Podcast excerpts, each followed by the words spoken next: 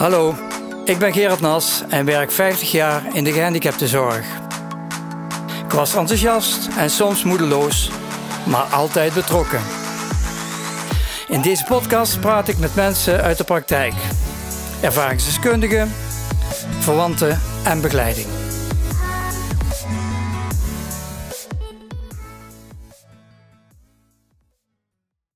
In deze tweede aflevering praat ik verder met Link Koster en Eumer Koban, ambulant begeleiders. De vorige keer ging het over dagelijkse werk. Deze keer praten we over oorzaken en oplossingen. We beginnen met de wachtlijsten. Laat even die, die, die wachtlijsten oppakken.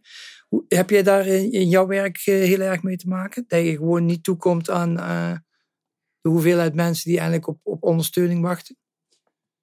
Ja, ik ben uh, geen psycholoog, om het even zo te zeggen. Dus ik verwijs mensen door naar professionals wat zij nodig hebben. Of uh, een andere professional die daarin gespecialiseerd is. En op het moment dat dat stagneert, stagneert alles. Dus um, ik heb heel veel cliënten die een trauma hebben meegemaakt en die daar uh, therapie voor willen hebben. Ja. Zolang dat niet gebeurt, is het inderdaad papa nat houden. Um, en omdat die wachtlijsten eigenlijk minimaal een half jaar zijn, is de problematiek vaak of weg of verergerd. Uh, waardoor eigenlijk op dat moment, als er hulp gevraagd wordt, niet meer gekeken kan worden naar die situatie. Dat is te lang geleden. En hoe wordt het opgelost? Door uh, ons gewoon dat nat houden, wat houdt het in? Medicijnen, uh, aandacht, nabijheid? door, door, eigenlijk ook door ons in te zetten. Dus door iemand die daar komt kijken, om te kijken of het goed genoeg blijft gaan en niet escaleert. Dus uh, ik, doe de helft, ik ben de helft van de tijd ben ik bezig dat mensen zich aan het spuien. Aan het spuien zijn bij mij. En dan zeg ik niks, adviseer ik niks. Maar dan komen ze eigenlijk met het hele verhaal van de hele week waar ze tegenaan lopen. Mm-hmm. Uh, soms is er bij een huisarts ruimte voor een praktijkondersteuner die af en toe een gesprek kan voeren. Maar totdat de professional voor het probleem aangewezen is, uh, kan, kan er voor de rest niks uh, worden ontwikkeld. Oké. Okay, maar uh, vind je niet dat ze te veel op het probleem leunen? Er zijn ook andere kwaliteiten die je dan op dat moment gewoon kan. Uh... Ja, maar als je bijvoorbeeld kijkt naar verslaving. En dat wordt niet aangepakt, denk ik dat je uh, alleen maar met de verslaving bezig bent. Uh, in plaats van uh, ook verder kijken naar problematiek die niet vanuit de verslaving zijn ontstaan. Geloof je in aanpak van verslaving? Ik denk dat het noodzakelijk is. Ik denk dat de verslavingsstem overheersend is voordat je naar je eigen stem kan luisteren. Maar die is het aan te pakken in Nederland? Nee, in Nederland niet. Nee, daardoor zijn die wachtlijsten ook, ja. ja. Want eventjes een maandje afkicken en daarna weer verder, dat gaat niet. Dus ja, dat is een probleem. Ik heb ook wel respect voor wat jij doet met de doelgroep waarmee je werkt. Uh, dat, dat daar dus ook een verslavingsstuk bij zit, wat uh, heel moeilijk met een lichtverstandelijke beperking is ook nog eens volgens mij om aan te pakken. Dus ik denk dat het heel zwaar is ook. Kun jij om, om de, de, de verslaving heen werken? Zeg je dat eigenlijk? Dat moet. Vertel. Die kun je niet aanpakken. Op elke hoek zit er een koffieshop. Ja. In elke supermarkt verkopen ze alcohol. Hoe, hoe, wat moet je aanpakken? Ja. Maar hoe ga je daar dan mee om? Dan ga je aan de beste kwaliteiten werken van de cliënt zelf. Kijken wat haalbaar is. Laag, laagdrempelig mogelijk, dat dan weer wel. Um, dus ik denk niet dat je een illusie moet creëren dat je een hele gezonde dame of een uh, jongen tevoorschijn komt na een jaar. Maar ik denk wel dat je überhaupt misschien nog kan stagneren of kan reduceren. Dat, dat lukt dan weer wel. Mm-hmm. Door middel van adequate begeleiding, consequent zijn. Soms wat middelen. WZD komt straks op. ja, controleerd gebruik. Precies, uh, dat kan ook. Hè. Dat is ook een optie. Uh, maar ik denk wel dat we de illusie moeten wegwerken dat we verslaving kunnen aanpakken. Dat, ik, denk, denk dat je verslaving wel kan aanpakken. Echt waar? Ja. Ik weet het niet. Ik weet, ja, Wacht even, ik denk, daar ga ik er even tussen zitten, dat je verslaving aan zou kunnen pakken als er geen wachtlijsten waren ja. voor de behandeling ja. van trauma's en psychologen en doorverwijzing. En dat er meer gespecialiseerden bij zitten dan alleen maar klinische. Maar is dat niet één aspect van het kant? Uh, nee, want als je een verslaving wil aanpakken, dan moet je alles aanpakken. Dus dat betekent eigenlijk dat er ook inderdaad een psycholoog, een arts, uh, een uh, psychiater. Ja, ja, maar een kijk, kijk hoeveel eisen dat is. Ja, ja, ja dat klopt, maar dan kan je het aanpakken. Ja, nee, maar dat is dus de theorie. Ja, ja, ja. Ik, ik heb, uh, theorie is alles mogelijk. Ja, in de praktijk heb ik wel eens mij, mijzelf helemaal leeg laten lopen. En tegen ook een therapeut die zei: Ja, maar onze samenleving heeft ervoor gekozen om niet onze beste en meest deskundige mensen in de gezondheidszorg te laten werken. Want de maatschappij zit zo in elkaar dat die echte goede mensen en al die investeringen in die deskundigheid op andere uh, maatschappelijke, in het bedrijfsleven zitten, of bij defensie zitten, of weet ik het allemaal meer. Dus het is een illusie. Je moet het dus altijd doen met de middelen die er zijn. Ja, maar die hebben we ook. Alleen het ligt eraan of de doelgroep die aan kan. Wij hebben deze settingen voor gemiddelde mensen in Nederland. Uh, deeltijdtherapieën die ook de verslaving aanpakken. Maar voor mensen met een L, uh, eh, LVB is dat eigenlijk onhaalbaar. Überhaupt het diep gaan waarom de verslaving aanwezig is, uh, wat daarachter zit, dat begrijpen, dat stukje, dat is al veel moeilijker dan bij een gemiddelde mens. Dus de plekken zijn er wel, maar je moet wel genoeg capaciteit hebben om dat aan te kunnen. Ze zijn er dus te weinig. Ja, ja. op dat niveau. Ja, oké, dat zeg jij. Jij zegt van, nou, er is prima om heen te werken. We gaan die verslaving niet aanpakken. Nee, nee, nee. Je, je kan het niet aanpakken door middel van alleen maar op de verslaving af te gaan. Het, er, is, er zijn gewoon geen mensen. Nee, dat is de realiteit. Dat is gewoon de realiteit. Dus die realiteit moet je omarmen. Ja. Moet je accepteren. Ja. En niet klagen. Ja. En dan gewoon hard aan het werk om die persoon tenminste nog ergens. Uh, of ervoor te zorgen dat hij nog mee kan draaien in de samenleving of in de maatschappij. Ja. Waar breng jij die persoon heen? En wat gebeurt er met die persoon als jij hem loslaat dan? Helaas is het mensenwerk. Maar dat is de zorg al tig jaar, toch? Ja. En vanuit vrijwillige statussen uh, is dat helaas het vicieuze cirkel wat in draait. Uh, ik hoor soms het woordje, het is een businessmodel vallen. Ja.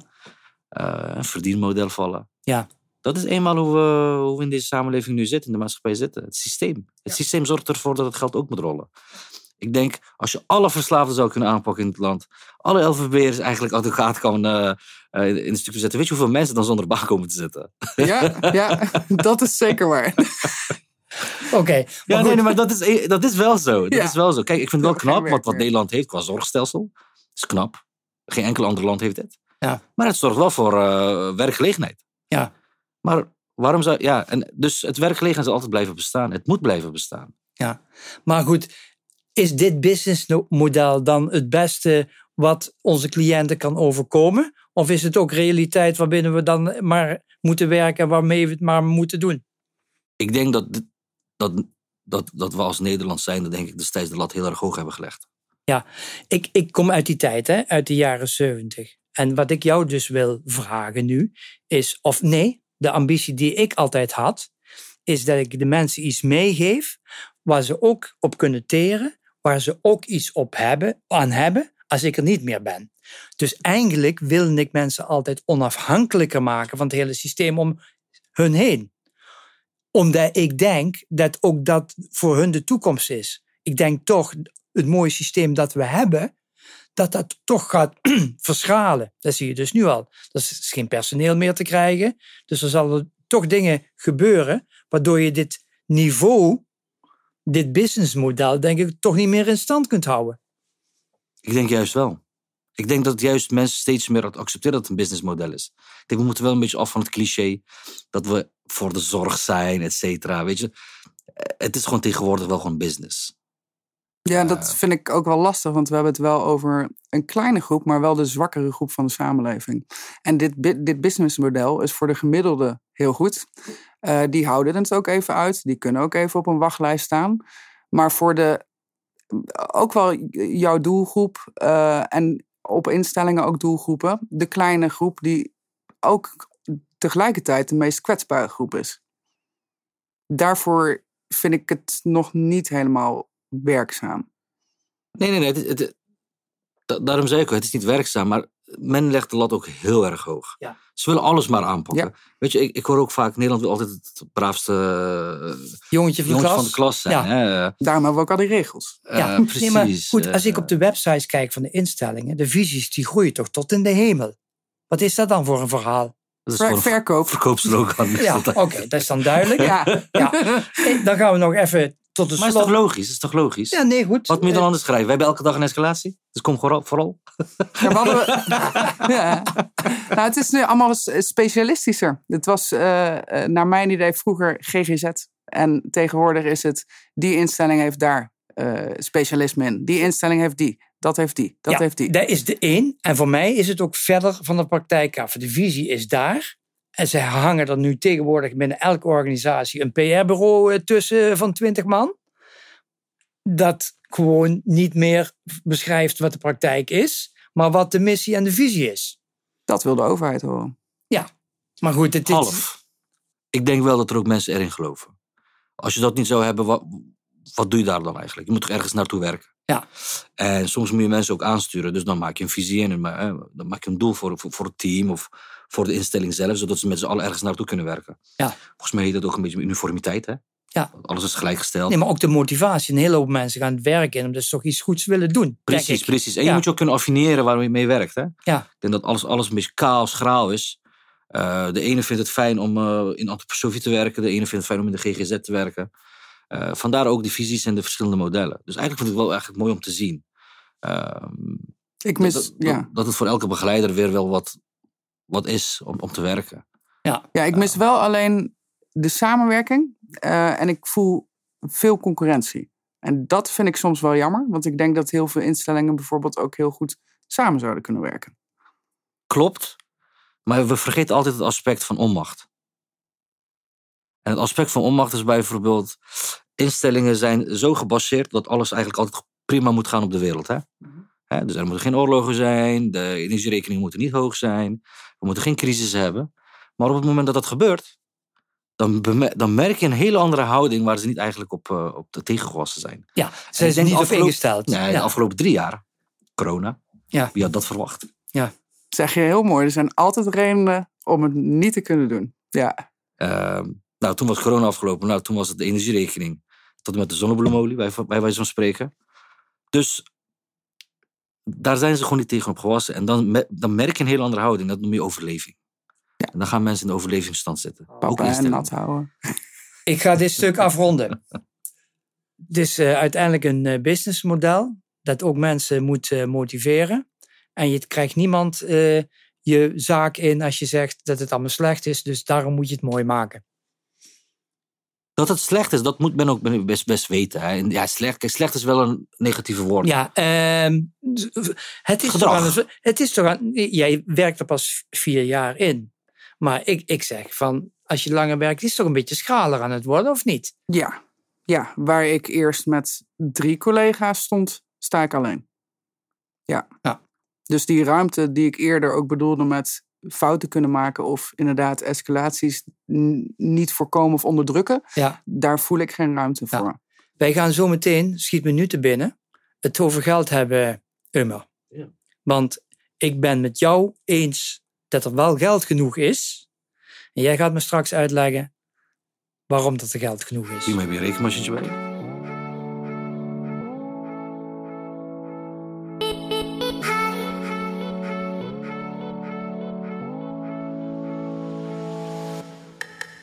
Ja, ik heb de rekenmachine bij. Nou, ehm, volgende ronde. Eh, het is een businessmodel. Het is symptoombestrijding. We pakken de boel echt niet echt aan. Eh, en het eh, businessmodel, om over het geld te beginnen. Er is geld genoeg en er wordt geld verkeerd uitgegeven. Kan iemand van jullie mij eens uitleggen hoe dat zit? Want ik ben geen econoom en ik denk dat ik het gemeen heb met PGW-systeem is anders, hè? Ja, als ik ook ehm, hoor soms eh, qua eh, berekening eh, van een bed en de voeding, de Ja, ja, begeleiding, ja. Bij dus jullie alle lopen ze de kantjes helemaal eraf. Eh, nou, ik heb daar niks mee te maken. Zo simpel is het. Ik heb alleen maar te maken met een cliënt thuis. En ik, hij hoeft dus geen eten. Ik hoef geen drinken, ik hoef geen stroom Nee, nee, maar het is helemaal strenger met kijken, we volgens mij ook naar de uitgavenpatroon richting jullie. Hè? Dan krijg je Ja. bijvoorbeeld drie uurtjes per week maar, terwijl Ja. je weet dat hij gewoon zes uurtjes nodig heeft. Ja. Het is altijd de kantjes eraf lopen bij het ambulante tak. Ja, dat komt naar mijn idee omdat ehm, bij de ambulante tak eh, het meest bezuinigd kan worden. Omdat het mensen zijn die dus nog zelfstandig, wonen. Dus die hebben nog net meer ruimte om... Kun je wat meer loslaten, Ja? precies. Ja. Dat, tenminste, dat, dat denkt de bezuiniger.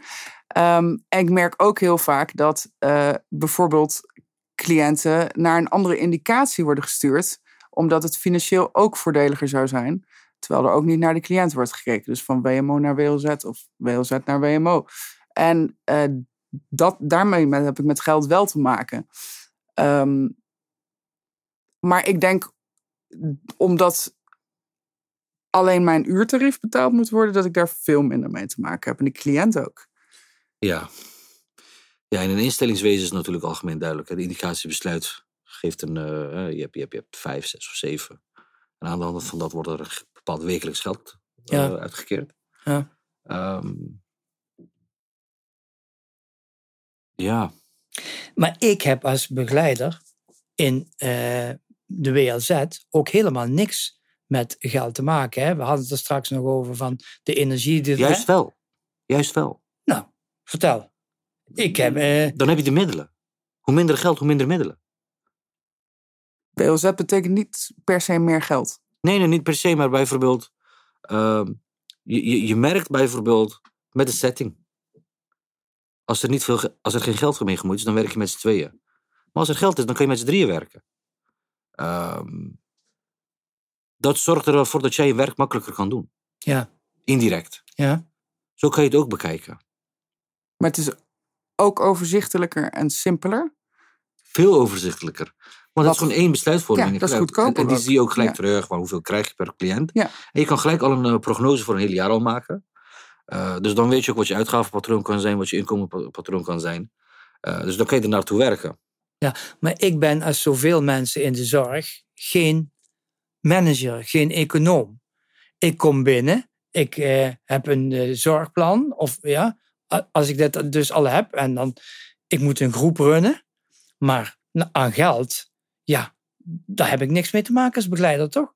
Nee, maar je hebt er niks mee te maken. Maar dat vind ik zo grappig. Je hebt er ook eigenlijk alles mee te maken. Want dankzij dat geld kan je ook werken. Mhm. Dat zorgt er ook voor dat Maar ik ben er me niet van bewust. Ik heb geen. eh, ik, ik, ja, ik ben me dan wel van bewust. Als ik eh, door de voorziening loop en ik zie de ramen openstaan en de verwarming eh, op, op vijf, dan doe ik die altijd bij dicht, zal ik maar eventjes zeggen. Maar ik, ik denk dat er een mentaliteit is dat het gaat allemaal van de grote hoop. Er is weinig ehm, bewustzijn op geld hoor. De reden waarom er weinig bewustzijn voor op geld is bijvoorbeeld. Je komt, je doet je werk, je gaat naar huis. Ja, Aan het eind van de maand krijg je je loonstrookje. Ja. En daar ligt het eigenlijk een beetje het probleem. Ja. De acceptatie daarin. En het geld wat naar de managers gaat dan? Die hier ook naar mijn idee verantwoordelijkheid in hebben. Nou ik, heb wel- nou, ik moet eerlijk zeggen, dat valt reuze mee. Het valt echt reuze mee wat voor inkomen ze hebben, bijvoorbeeld. Want het blijft een stichting, hè. Een stichting mag ook niet extreem uitkeren of het mag niet winstgevend zijn, hè, non-profit. Ehm, waar het wel om gaat, is ik weet waar hij nu al heen gaat, Lin. Ehm, heel vaak zijn ook bestuursleden, managers, komen niet uit de zorgwereld zelf. Je kan een groot verschil zien wie wel en wie niet. Ja. Ehm, je hoeft maar net te treffen, hè, je hoeft maar net een manager te hebben. Gelukkig werk ik er ook met echt een aantal managers die echt uit de zorgwereld komen.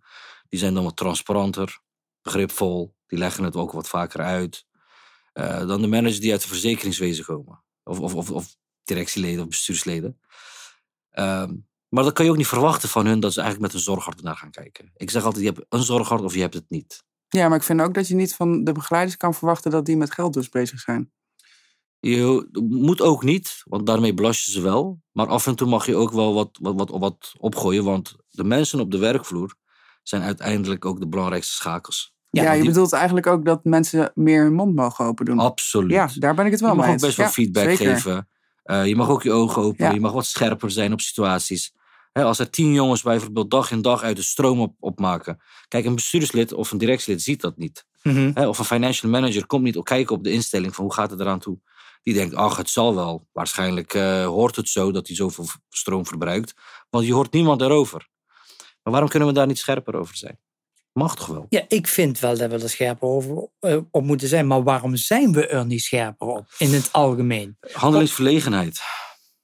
Ja, en misschien ook wel dat zelfsturende teams soms ook allemaal geen verantwoordelijkheidsgevoel hebben. Nee. Waardoor er eh, ook een soort van gezwommen blijft. Een Nee, precies, precies. Je kan het niet van iedereen verwachten. Nee, maar sorry, zelfsturende team hebben toch, sorry, zelfsturende teams hebben toch meer verantwoordelijkheidsgevoel omdat het kleiner en overzichtelijker is.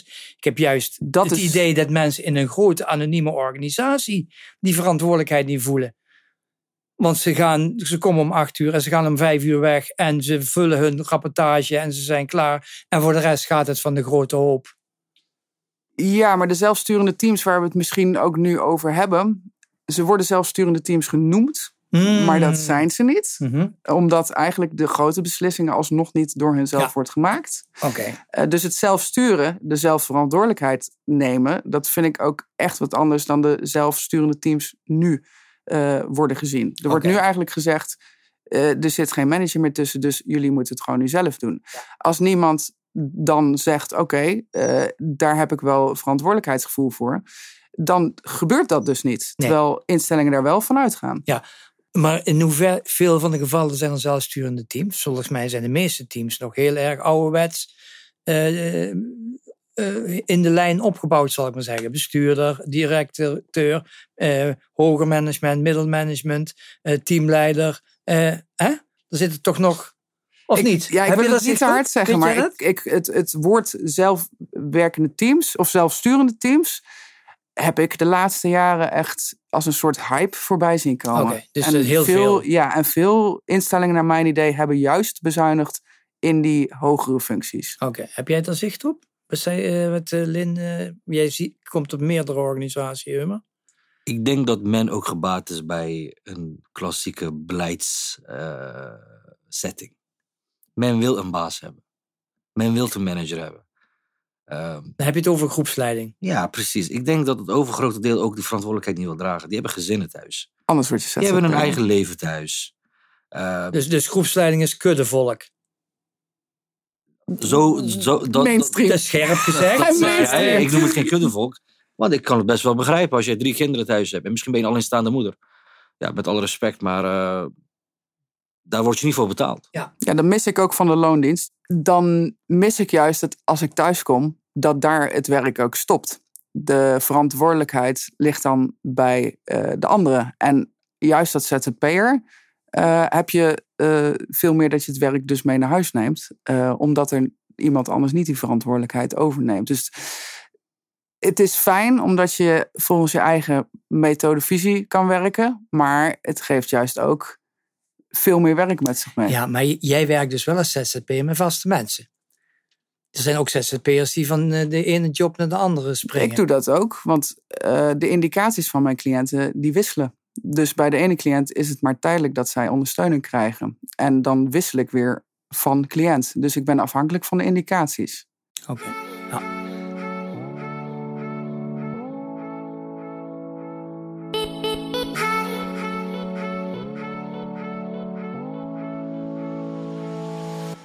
Ehm, dan zit ik nou even te denken, als ik, eh, want we kwa- kwamen kwamen hier ook op door de zelfsturende teams.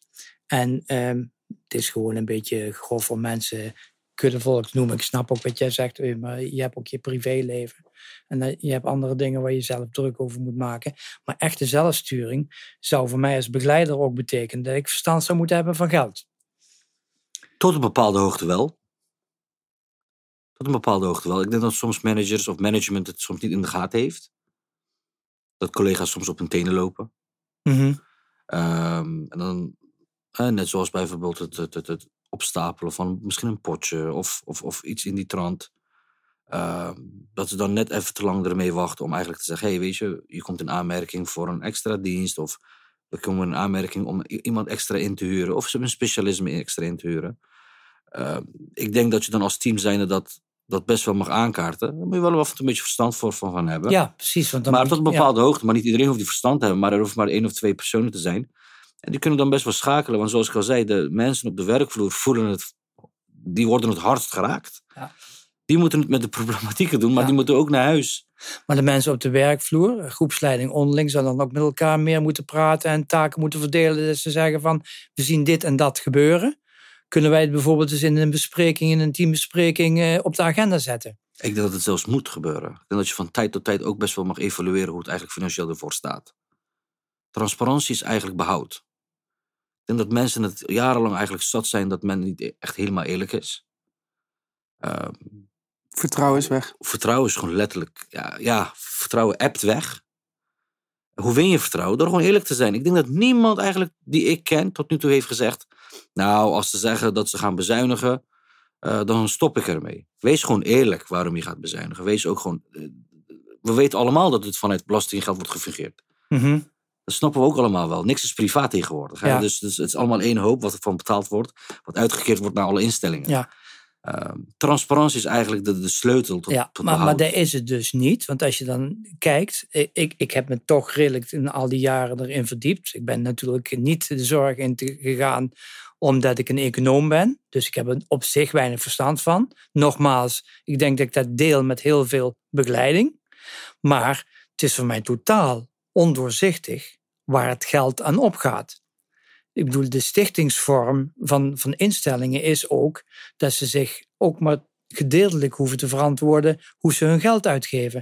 Ik bedoel, is er dan niet ook daar een probleem dat dat eh, opener, en je hebt het over transparanter, dat de instellingen beter zou moeten uitleggen of inzage zou moeten geven aan waar ze het geld aan uitgeven? Ik denk niet dat je alle zaken per, se moet, moet, moet tonen. Maar ik denk wel dat je de zaken mag tonen die eigenlijk eh, van invloed zijn op de werkvloer.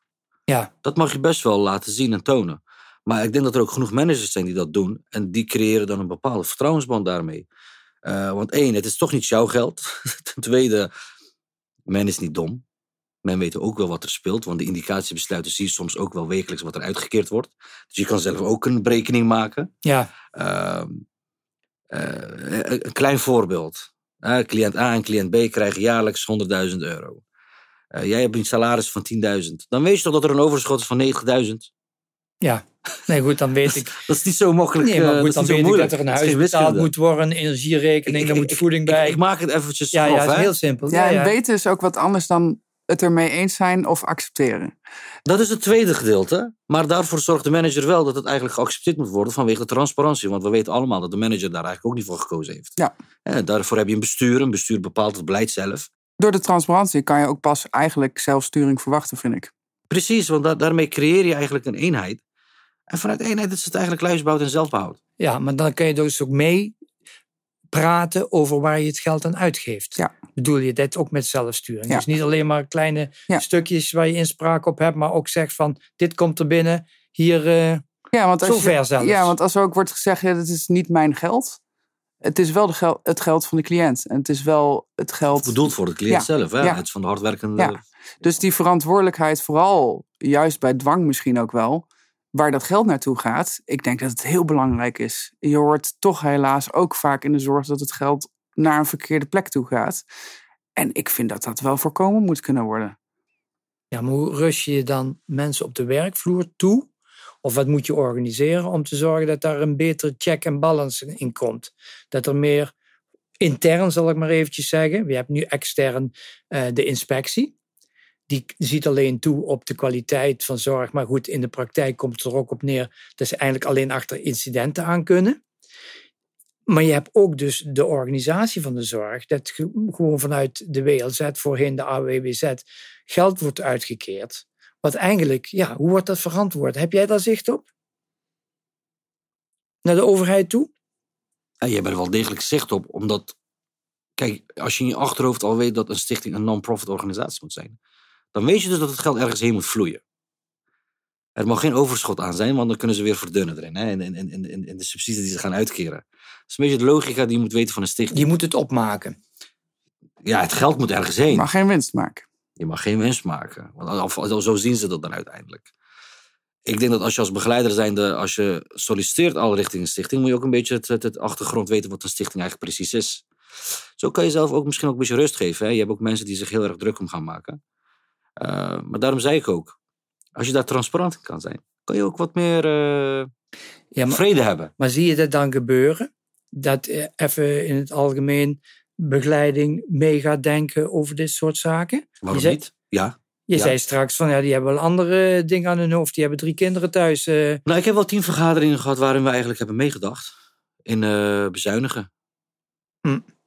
Ja, en Zeker, dan... dat, dat, dat, dat, dat heb ik zelf meegemaakt. ja, dan mag je wel eh, meepraten. Nou, daar komt misschien dat verantwoordelijkheidsgevoel. Ik denk op het moment als je vertelt van het anders dus ook vertelt van goh, hier gaat het geld naartoe.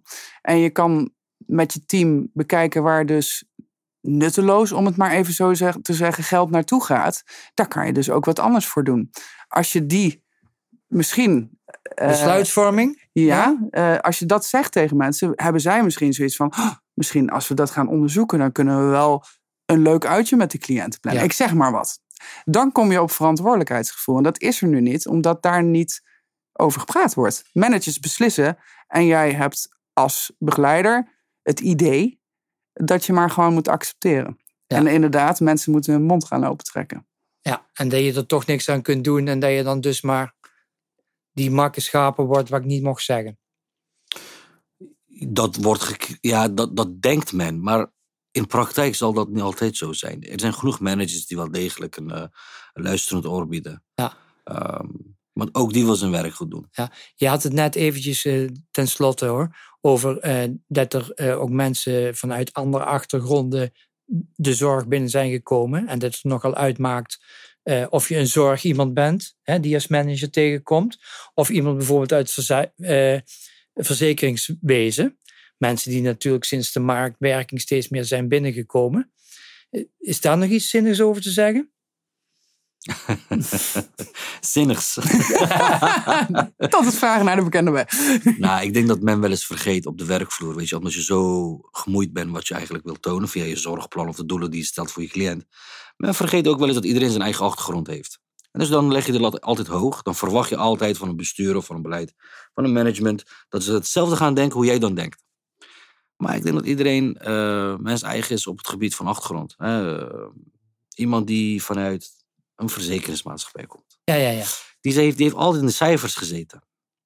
Dus automatisch rolt hij al in met de gedachtegang: ik denk in cijfers. Die kan je eigenlijk niks kwalijk nemen. Eh, of een, een manager die, die, die, die, die, die, die is chef-kok Ja. geweest of zo. Nee, maar nou kun je zeggen van iedere persoon is anders, maar daar hebben we niks aan. Nee, maar, Immer, we moeten nee, maar gewoon als, even. als ja. begeleider moet je dat accepteren. Dus een manager die alleen naar cijfers kijkt, is eigenlijk geen goede, geschikte zorgmanager. Het helpt niet, nee. Het helpt niet. Ik hoor ook altijd dat ze alleen ook op korte termijn eh, kijken, waardoor ze uiteindelijk op de lange termijn duurder af zijn. Vanuit tunnelvisie, vaak. Ja, Ja. omdat ze daar eigenlijk hun veiligheid in, in, in, in zoeken.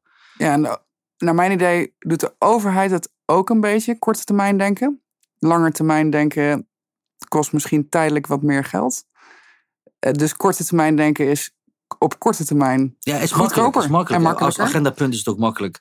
Kijk, d- daarom ook dat tunnelvisie denken, hè, de korte termijn, eh, is het makkelijkste. Maar iemand die vanuit de werkvloer komt, die kan meedenken, die denkt al, die ziet, die Ja. hoort. Ja. Als jij als begeleider zijnde een verhaal uitlegt. Die kan zich gelijk inleven in jouw positie. Ehm, en dat kan iemand, die probeert het vast wel hoor, maar iemand vanuit de financiële wereld, die heeft gewoon die, die, die, die, die, die, die drang niet, of die gevoel niet daarin. Even terug hè, naar de overheid. Want die, ja, die zet er ook een bepaald plaatje neer van wat het moet zijn. In hoeverre heeft een overheidsbeleid, hoe belangrijk is dat als je het over dit soort van dingen hebt? Maar Volgens mij heeft Lynn net die antwoord gegeven. Vroeger stond je met 1 op 3. Ja, Nu ongeveer. zit. Ja, de- in de ambulante tak weet ik dat niet. Maar eh, de jeugdzorg, vroeger op de groepen waar ik werkte, stonden we op de crisis met acht jongeren met drie mensen. Ik, dat is tegenwoordig één. Dus dat is toch immens? Dus het verhaal is mooier geworden. Er wordt niet minder geld uitgegeven, maar op de werkvloer is het schalig.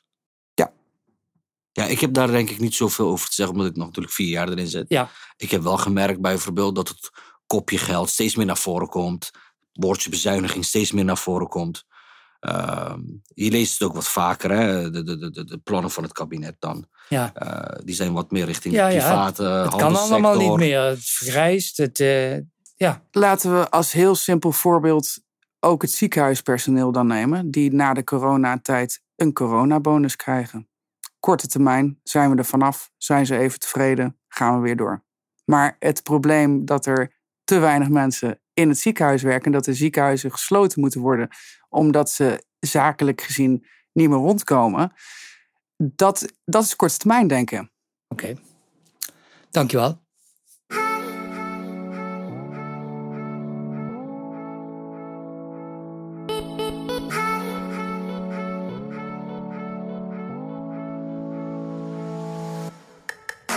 Tot zover deze aflevering van Achter de Beperking. Reacties zijn meer dan welkom, evenals onderwerpen en ideeën. Hiervoor is er ook een Instagram-pagina. Die heet ook Achter de Beperking. Of je kunt naar mijn website gerardnas.nl met twee S'en.